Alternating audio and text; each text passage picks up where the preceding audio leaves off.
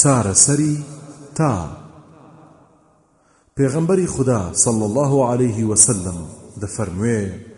الحمى من فيح جهنم فأبردوها بالماء.